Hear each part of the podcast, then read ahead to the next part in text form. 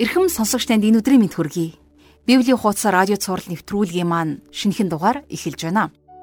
Тэгэхээр өнөөдөр бид хамтдаа үргэлжлүүлэн 20 дугаар Петр номынхон 20 дугаар бүлгийн 2 3 дугаар ишлэлийг уншиж судалж ярилцах болно. Петрийн энэхүү загтлаас бид Петр хэрхэн томоожж төлөвшсөн тухай, түүний амьдрал хэрхэн эзний төлөө зүтгэлтэй мөн зүдрэлтэй байсан тухай хамтдаа уншиж ярилцсаар байгаа. Түүний энэхүү бодит түүхэн баримтууд, гэрчлэл мөн эзний үг дотор эзний сүнсээр ятгсан тэрхүү сануулгууд бидэнд урам зориг, хүч тэнхээ болон өгдөж байгаа гэдэгт итгэлтэй байна. Тэгэхээр өнгөрсөн удаагийн хичээлээр дурдсан нэгэн сургаалт зөвөрлөлийг дахин сануулад өнөөдрийн хичээлд орё гэж бодлоо.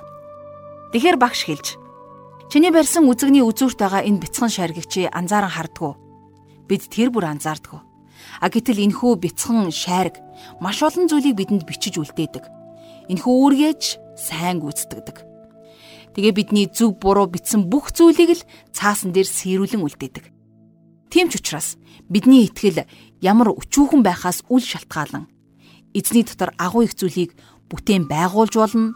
Мөн бидний өчүүхэн гих итгэл ямар их зүйлийг бүтээн бий болгож чадах. Мөн ямар их зүйлийг үгүйсгэн алга болгох чадaltaй гэдгийг бодож, сэрэмжилж хамтдаа эзэн дотор өөрсдийнхөө итгэлийг сэргэн босгож шинчилцгээе. Энэхүү уриалгаар өнөөдрийн хичээл маань эхэлж байна. Хамтдаа үгийн төлөө талархал өргөн залбирая.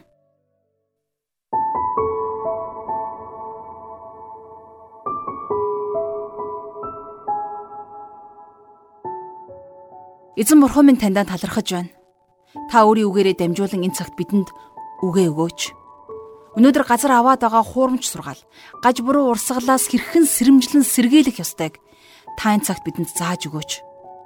Таны үгээр дамжуулан бид улам илүү сонор сэрэмжтэй, бид улам илүү мэрэгэн ухаантай байхад туслаарай. Энэ цагийг таньдаа өргөж, эзэн Есүсийн нэрээр залбирanгуйж байна. Амен. Ингээд хамтдаа жаргалах шийчэлд анхаарлаа хандуулъя.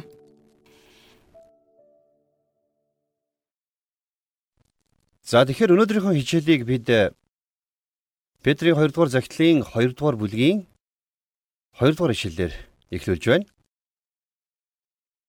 За бид нар өмнөх хичээлүүдээр хуурамч сургаал номлогчд болон хуурамч багш нарын тухай анхааруулгын тухай үзэж эхэлсэн байгаа. Тэгэхээр өнөөдөр яг энэ сэдвээ үргэлжлүүлэн ярилцъя. За 2 дугаар ишлэлдэр Петр ингэж бичсэн байна.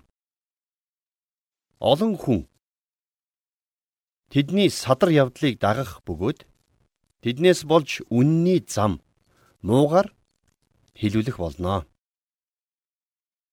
Хуурамч багш нарыг хуурамч дагалдагч нар дагалдана.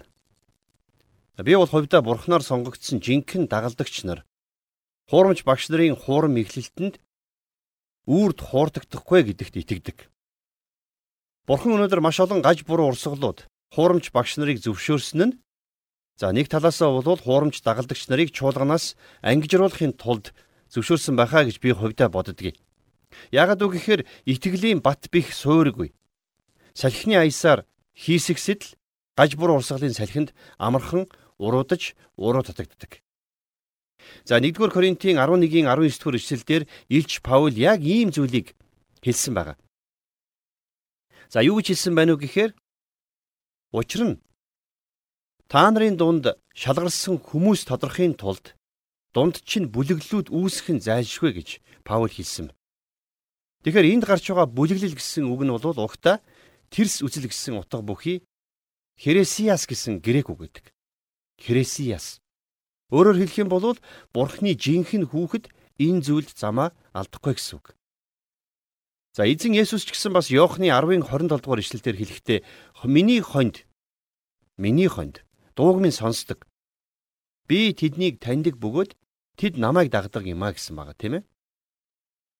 Тэгэхээр хүмүүс хуурамч багш нарын ардаас дагалдах үедээ а нэг бол юу ч мэдэхгүй байгаагаас болж хуурддаг а эсвэл зориудаар тэднийг дагдаг. Яагаад үг гэвэл тэд ийм зүйлд итгэдэг эсвэл ийм зүйлийг дандаа сонсхийг хүсдэг учраас хуурамч багш нарыг дагалддаг гэсэн үг. За 3 дугаар ишлэл дээр Тэд шуналдаа хуурамч үгсээр та нарыг завшина. Тэдний шийтгэл өн эртнээс зүгээр суугаагүй, сүрлэнч үүрэглээгүй байна. За энд гарч байгаа хуурамч үгс гэдэг нь грекээр пластос гэсэн үг байдаг. Тэгэхээр пластос гэдэг үгнээс бидний мэдих пластик буюу хуванцар гэдэг үг бий болсон байдаг юм а. За пластос гэсэн үгийн утга нь хивэнд цутгсан гэсэн утгатай. За тэгэхээр юу гэхээр тухайн цаг үед бол та бидний өнөөдрийн мэдих пластик буюу хуванцар гэсэн үг байгаагүй ч гэсэн за тэр үгний үндэс болсон утга санаа байсан. Харин өнөөдөр бол энэ үг маш түгээмэл хэрэглэгдэх болсон л доо. Өнөөдөр бид нар хуванцар хувин, хувинцар тоглоом, хуванцар аяг тавг, хуванцар сав сулга гэд маш олон хуванцар зүйлүүдийг хэрэгжилж байгаа. Тэгэхээр хуванцар материал нь өөрөө ямар ч хэлбэрт хувирч чаддаг уян хатан материал. А тэгвэл би нэг зүйлийг хэлчихье. Өнөөдөр сонсогчдийнхоо хүсэлд нийцүүлэн номлож заадаг хуванцар номлогчд ч гэсэн бас дэлхийд олширсан байна. За ийм хүмүүс бол цуглааны итгэгчдийн чихэнд таалагдах үгсийг хэлхийн тулд хуванцар буюу пластик номлол хийдэг. За нөгөөдөл нь ийм хуванцар үгсийг сонсдог. Тийм ч учраас өнөөдөр чөлөөт буюу за дэндүү чөлөөт теолог газар авсаар байна. Тэгэхээр Петр энд биднэрт сануулгын хэлэхдээ хуурамч багш нар хуурамч үгс буюу пластик үгсийг ашиглах болно гэж хэлсэн байна, тийм ээ. Бид нар өөрсдийнхөө үгийг сонсогчдод нийцүүлэн өөрчилдөг. Тэд нар нэг хэсэг сонсогчдод нэг зүйлийг яриад өөр сонсогчдод болохоор тис өөр зүйлийг ярьдаг. Ийм номлогч бол ямар ч хэвэнд цутгагдан хувирч чадах хуванцар номлогч юм аа. За тэгвэл хуурамч багш нар ямар шалтгаанаар ийм хуурамч сургаалыг заадаг юм бэ? За Петр бол энэ асуултын хариултыг бидэнд өгсөн байна.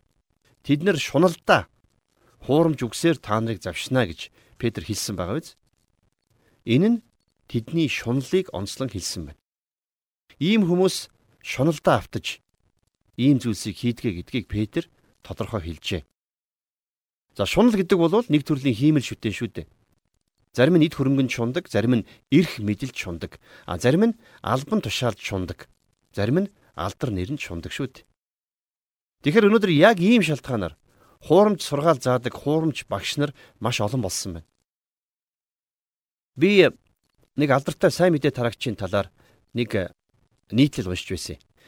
За тэр нийтлэл дээр Тэр сайн мэдээ тараагч номлол дээрээ Есүсийн нэрийг 11 удаа хэлсэн хэрнээ би гэсэн үгийг 175 удаа хэлсэн гэж мэдээлсэн байсан. Тэгэхээр бүхэл бүтэн номлолын туршид нэг ч ишлэл бүтэн уншаагүй. А тэгээд яриан дундаа ганц хоёр хон ишлэл дурдсан гэж тэмдэглэн бичсэн байна. А тэгсэн мөртлөө 45 минутын туршид хүмүүсийг хөгжөөж инээлгсээр байгаад таарсан гэж байна лээ. За хамгийн сонирхолтой нь тэрний номлолын дараа 20 залуу Христэд итгэж байна гэж урагш гарч ирсэн гэж байна. Тэд нар сайн мэдээ ердөөсөө сонсоогүй мөртлөө Есүст итгэнэ гэдэг юу гэсэн үг вэ? Тэгэхэр байна харамсалтай нь. Өнөөдөр сайн мэдээ ердөөсөө сонсоогүй мөртлөө өөрийгөө Христэд итгэдэг гэж боддог хүмүүс олон болсон байна. Өнөөдөр чуулганд хамрагддаг итгэгчид нь сайн мэдээгээ ялгаж чаддаггүй сайн мэдээнээс гадуур зүйл ярьж байхад тэрнийг нь сайн мэдээнээс гадуур зүйлч гэж ялгаж салгаж чадахгүй байна. Энэ бол өнөөдрийн чуулганд нүүрлээд байгаа аюул эмгэнэл юм аа. Тийм учраас би та бүхнийг Библи зааж байгаа хүмүүсийг Бурхны үгээр шалгаж нягтлах чадвартай байгаасай гэж захимаар байна. Намайг ч бас ингэж шалгаарай. Намайг үнэхээр Бурхны үгийг зааж байна уу гэдгийг ч бас шалгаарай.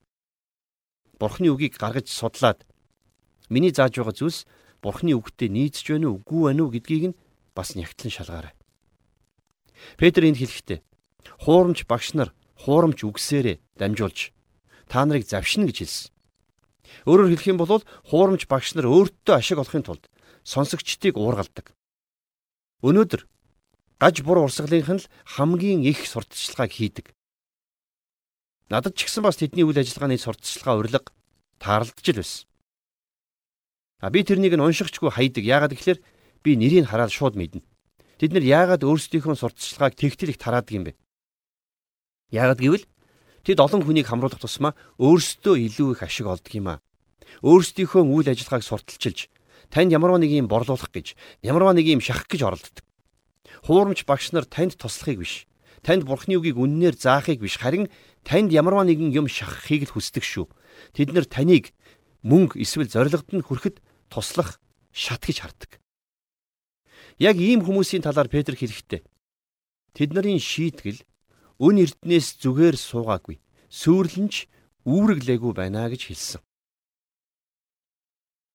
Энэ дэлхий дээр хорон муу хүмүүс хорон мууг үйлчлэхэд юу ч болоогүй юм шиг явж байгааг харах маш хэцүү байдаг. Библиэлд ч гэсэн ийм зүйлд унтуудсан, дургуйдсан хүмүүс олон байдаг. Жишээлх юм бол дуулал номын 73 дугаар бүлгийг зохиогч яг л ийм байдалд орж исэн. Хорон муу аргаар баяжин хөлжигчдийг хараад тэр маш их бухимдсан. Харин дараа нь тэр эзний өмнө очиод нэг зүйлийг маш сайн ойлгосон. Бурхан тэднийг зүгээр өнгөрөөхгүй юм байна гэдгийг тэрээр олж мэдсэн. Энэ бол бурхны шудраг байдал. Илж Паул гэхэд хүмүүс дахин дахин зүү басаар хандж байсан шүү дээ. А гэхдээ Паул хизээч өс санаж байгаагүй. Харин ч биднийг өс хонзон битгий аваарай гэж сануулсан байна. Ромын 12 дугаар бүлгийн 19 дугаар ишлэлдэр Паул хайртууд минь ээ хизээч өөрийн өшөө хонзонг битгий ав. Харин бурхны уур хилэнд зай гаргаарай. Учир нь өшөө авалт нь минийх. Би буцааж төлнө гэж эзэн хэлвэ гэж бичигдэжээ гэж загсан байдаг. Хэрвээ та бид нар өшөө хонзонгоо авах юм бол энэ нь биднийг итгэлийн замаас хазайлгана гэсэн үг шүү. А нөгөө талаас итгэлийн амьдралаар амьдрна гэдэг бол байна. Бусдын гарын аясаар нааш цааш түлхэгдэн амьдрна гэсэн үг бишээ. Бусдад таалагдахын тулд яаж л бол яаж хувирч амьдрах гэсэн үг бүрч биш шүү. Бид нар итгэлийнхээ төлөө бат зогсдог байх ёстой. Та биднийг итгэлийнхээ төлөө бат зогслоо гэж бидэнд хүмүүс зүү босоор хандах юм бол бид нар тэдэнд чи надад зүү босоор хандлаа. А гэхдээ би чамд өс хонзон санахгүй. Би таныг би чамайг бурхны мутарт даатгаж байна гэж хэлж чаддаг байх ёстой. 2 дугаар Тимотийн 4-ийн 14 дугаар ишлэлдэр Паул ингэж бичсэн байна. Зисийн дархан Александр надад муу муухай юм их хийсэн. Эзэн түүнд хийснийх нь хариуг өгнө гэж хэлсэн байна. Өөрөөр хэлэх юм бол Паул Александрт үс хонзон санаагүй. Харин Александрыг эзний мутарт даатгсан гэдгээ хэлсэн байна. Цаг нь болоход эдгээр хуурамч багш нарыг бурхан шийтгэн. Энэ талаар Петр тодорхой хэлсэн байна. Бурхны үгийг үннээр тунхагладаг байсан хүн энэ дэлхийг орхин одох үед бид нар тэр хүн одоо энд байснаас илүү дээр газарт очлоо гэж ярьцгаадаг шүү дээ. А тэгвэл хин нэгэн хуурамч багш энэ дэлхийг орхин одох үед би лав хувьда ингэж хэлж чадахгүй.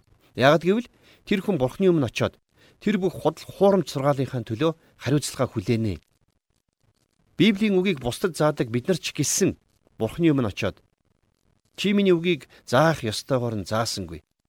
Чи бусдын шүүмжлэлээс айж миний хэлгэсэн үгийг мушгин гуйвуулсан гэсэн хатуу зэмлэлийг сонсомооргүй байна шүү дээ. Миний зааж ярьж байгаа бүхний төлөө Бурхан надтай хариуцлага ярина. Тийм учраас бид нар хувь хувьдаа маш их хичээх хэрэгтэй. За таа ч гэсэн ялгаагүй цаг нь болоход бурхны өмнө тайлангаа тавина шүү дээ.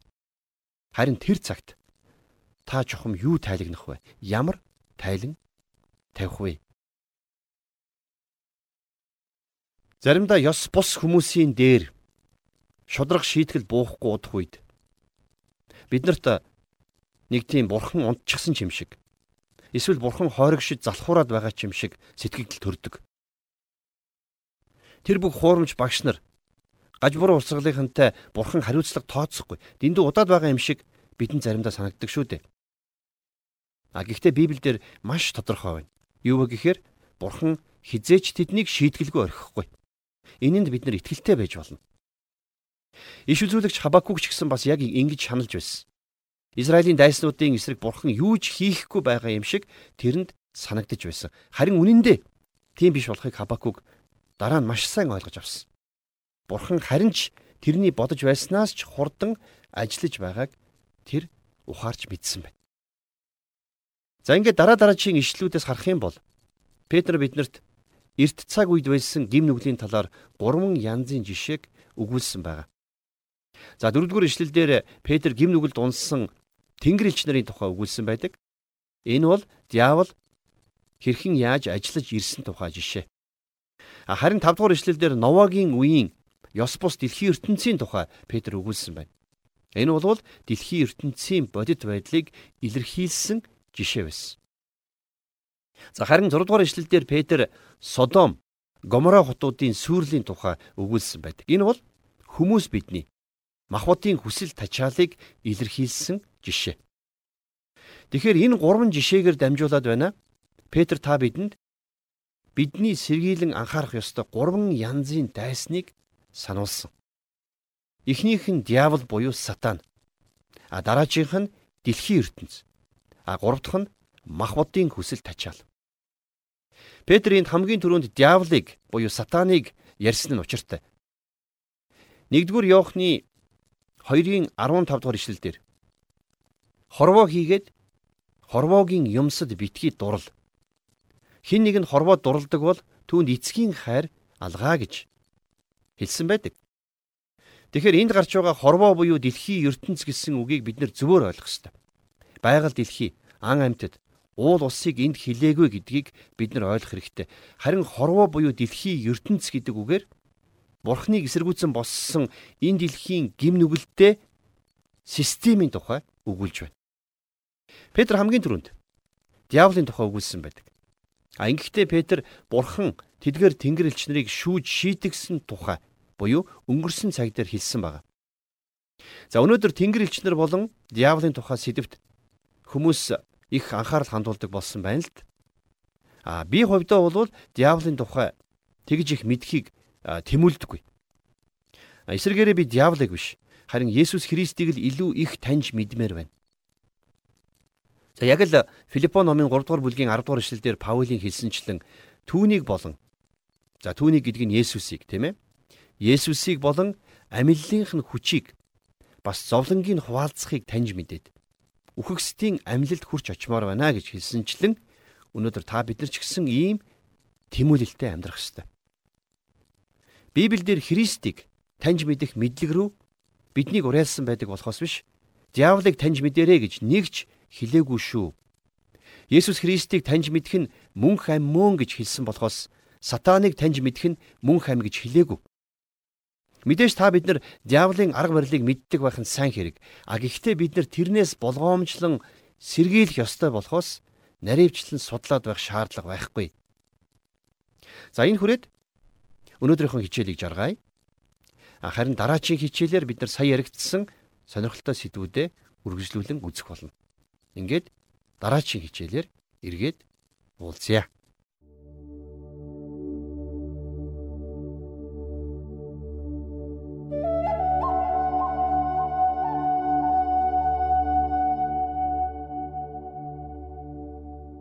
Тэгэхээр өнөөдрийн хичээл маань энэ хүрээд өндөрлөх гэж байна. Бид өнөөдөр хамтдаа 2 дугаар Петр номын 2 дугаар бүлгийн 2 3 дугаар ишлэлийг хамтдаа уншиж судалж ярилцсан.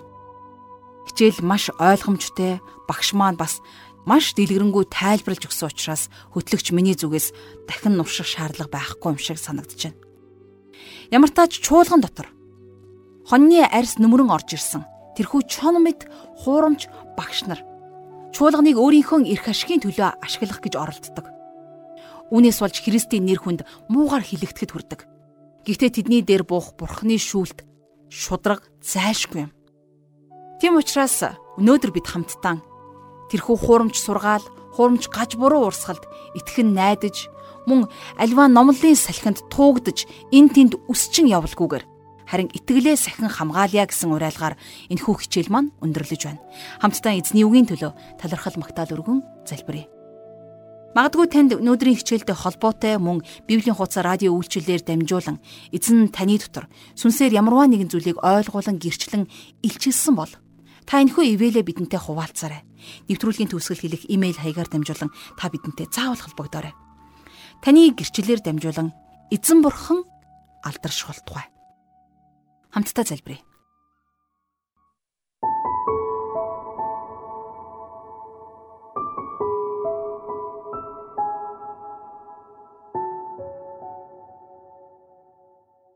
Бурхан эзэмээ таньдаа баярлалаа. Өөрийн үгээрээ дамжуулан бидэнд үргэлж сэрэмжлүүлгийг өгч, болзошгүй тэр аюул занлаас хамгаалж бидэгт таньдаа баярлалаа. Өнөөдөр газар аваад байгаа тэрхүү хуурамч гаж буруу урсгал Иесус Христийн нэрийг барьсан хуурамч багш нарын хуурамч сургаал номлолоос болгоомжлон сэрэмжилж тэднийг ялгаж таних, илрүүлэн илчлэх мэрэгэн ухаан зориг зүрхийг та бидэнд өөрийн үгээрээ дамжуулан хэлж өгөөрэй. Дараа дараагийн хичээлүүдээр дамжуулан эзэн та биднийг сүнслэг төлөвшөлөөд илүү сүнслэг мэрэгэн ухаанаар та биднийг өрөөгөөрэй. Бүхнээ танд өргөж эзэн Иесусийн нэрээр залбирanгуйж байна. Амен.